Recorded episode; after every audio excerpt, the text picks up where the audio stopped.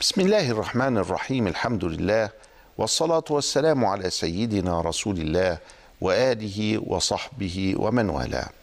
أيها الإخوة المشاهدون أيتها الأخوات المشاهدات في كل مكان السلام عليكم ورحمة الله وبركاته. مع الحكم العطائية يقول سيدي ابن عطاء الله السكندري سوابق الهمم لا تخرق أسوار القدر.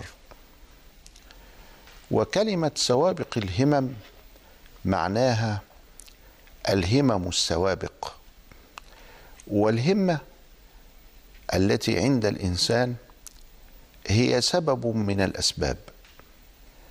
وهو هنا يقول إن الأسباب لا تأثير لها فهو كأنه يعلل العلة السابقة التي شرحناها في حلقة سابقة في قوله إرادتك التجريد مع إقامة الله إياك في الأسباب من الشهوة الخفية وإرادتك الأسباب مع إقامة الله لك في التجريد انحطاط عن الهمة العلية لماذا؟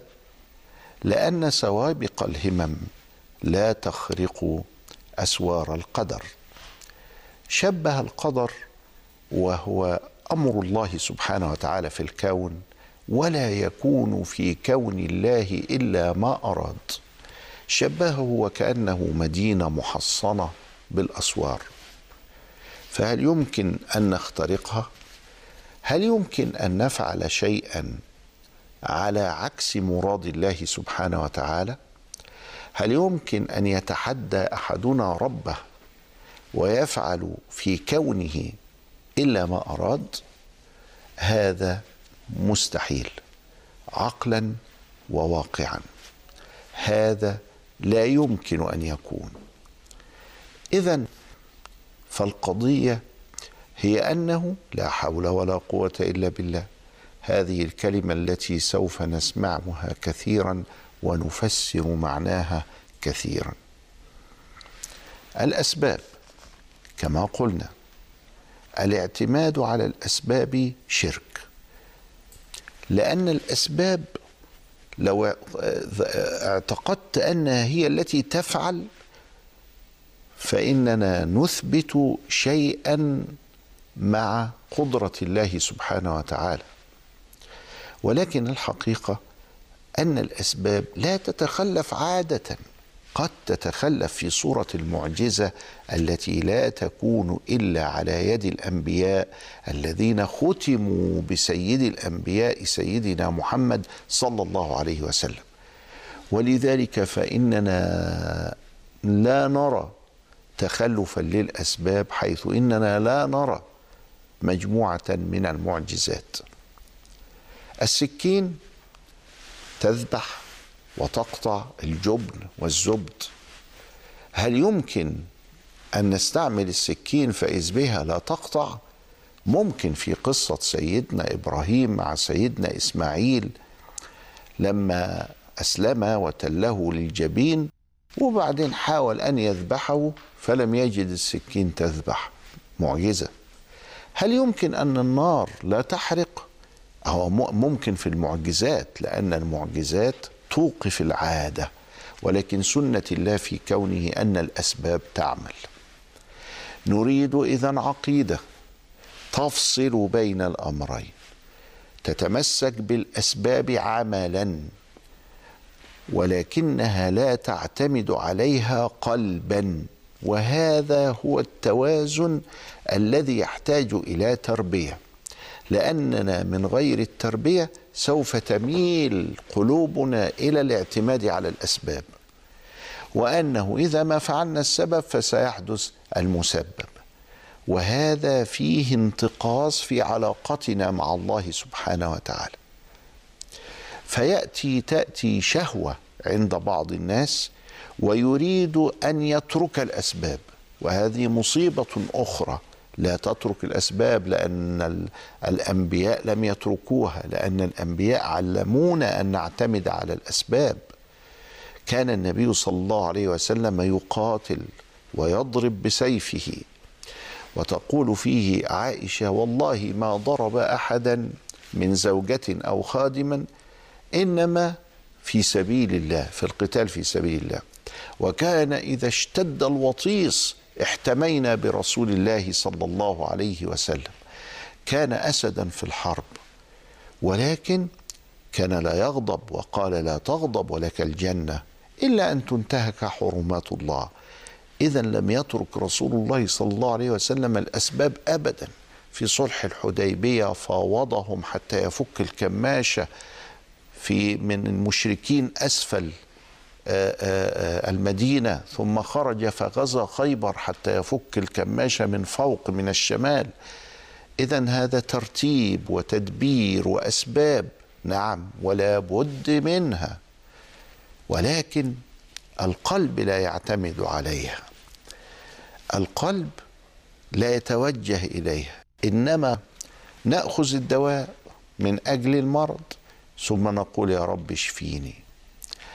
ونعتقد أن هذا الدعاء هو الذي شفى وليس هذا الدواء هو الذي شفى.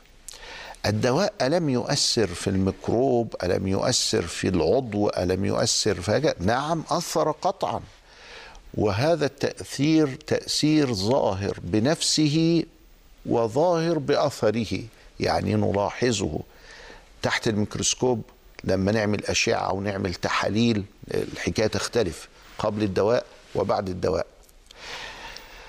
أو بأثره أنا كنت مريض وخفيت من المرض عندما أخذت هذا الدواء. هذا لا لا نقاش فيه. السبب لابد علينا أن نأخذه. ولكن تعتقد دائما أن هذا السبب إنما خلق الله عنده الشفاء وليس به الشفاء. إذا كلام دقيق جدا.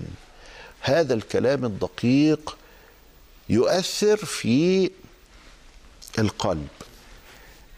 القلب معتمد على الله ولأنه معتمد على الله ولأنه بيحب الله ولأنه بيطيع الله لا يترك السبب ابدا. نجتهد ونذاكر ونعمل ونعلم ونخترع. كل هذا لأن الله قهرنا في الأسباب فلا نترك الأسباب ابدا ولكن مع عدم تركنا لا نعتمد عليها ابدا. فهنا يقول لنا يا يا جماعة السبب عمره ما عمل الحاجة ده ربنا هو اللي خلقها والفضل هو فضل الله. وعلشان نتأكد من هذا فإن بعض الأدوية الطبيب يوصفها وما تعملش أثر. حتى لو كان بس 10% و90% بتعمل فهذا بخلق الله وهذا بخلق الله. فالذي خلق الشفاء هنا هو الله والذي خلق المرض هنا مع الدواء هو الله سبحانه وتعالى. ما الذي تفيد هذه العقيدة؟ تفيد أننا نسبنا الحق لصاحبه نسبنا الفضل لصاحبه سبحانه وتعالى. وهنا نشعر بمدى منة الله علينا. إحنا ربنا أنعم علينا نعم كثيرة جدا. وهنا نستعظم نعمة الله علينا. عندما أستعظم نعمة الله علي أستحي أن أعصيه. أستحي أن أذنب. أستحي أن أتأخر في طاعته. أستحي أن لا أسارع لطلب مغفرته. اذا المسائل مرتبط بعضها مع بعض. ما الذي جعل أهل السنة والجماعة يقولون إن الأسباب لا تؤثر بذاتها وإنما يخلق الله بإزائها وعندها لا بها عندها عند الدواء؟ يخلق الشفاء. عند السكين يخلق القطع. عند النار يخلق الإحراق. فإذا لم يخلق الإحراق إبراهيم ينجو. وإذا لم يخلق القطع إسماعيل ينجو. وإذا لم يخلق الشفاء يستمر المريض في مرضه. وهكذا أبدا. اذا تواضع. اذا ارمي توكلك على الله. اذا اشكر الله. اذا استشعر بعظمة نعمة مولاك وإن تعدوا نعمة الله لا تحصوها.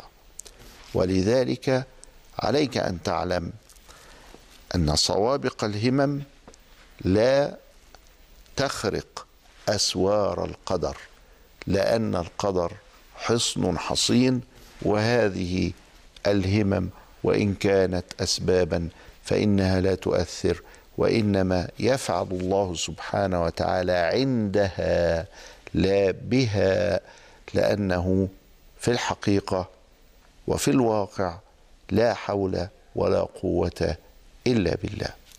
هذه النظرة يختلف بها المسلمون عن كثير من الفلاسفة الأخلاقيين الذين رأوا لأنفسهم حولا ورأوا لأنفسهم قوة ورأوا لأفعالهم تاثيرا ولم يستطيعوا التوازن إحداث التوازن ما بين هذه الفكرة. أن السبب تركه جهل والاعتماد عليه شرك. هذه الثانية كانت مرفوضة تماما لأنه لم يكن عندهم هذا التوازن. وجعلوا أن السبب يعتمد عليه ولا يترك وأنه ليس هناك في الكون شيء بدون سبب ولكن الحقيقة أن السبب من سنن الله في كونه وأنه لا يترك وأنه لا يعتمد عليه وأننا نتوكل على الله سبحانه وتعالى فنفعل الأسباب وفي نفس الوقت قلوبنا تدعو الله وتعلي من منته سبحانه وتعالى علينا وإلى لقاء آخر. أستودعكم الله. والسلام عليكم ورحمة الله وبركاته.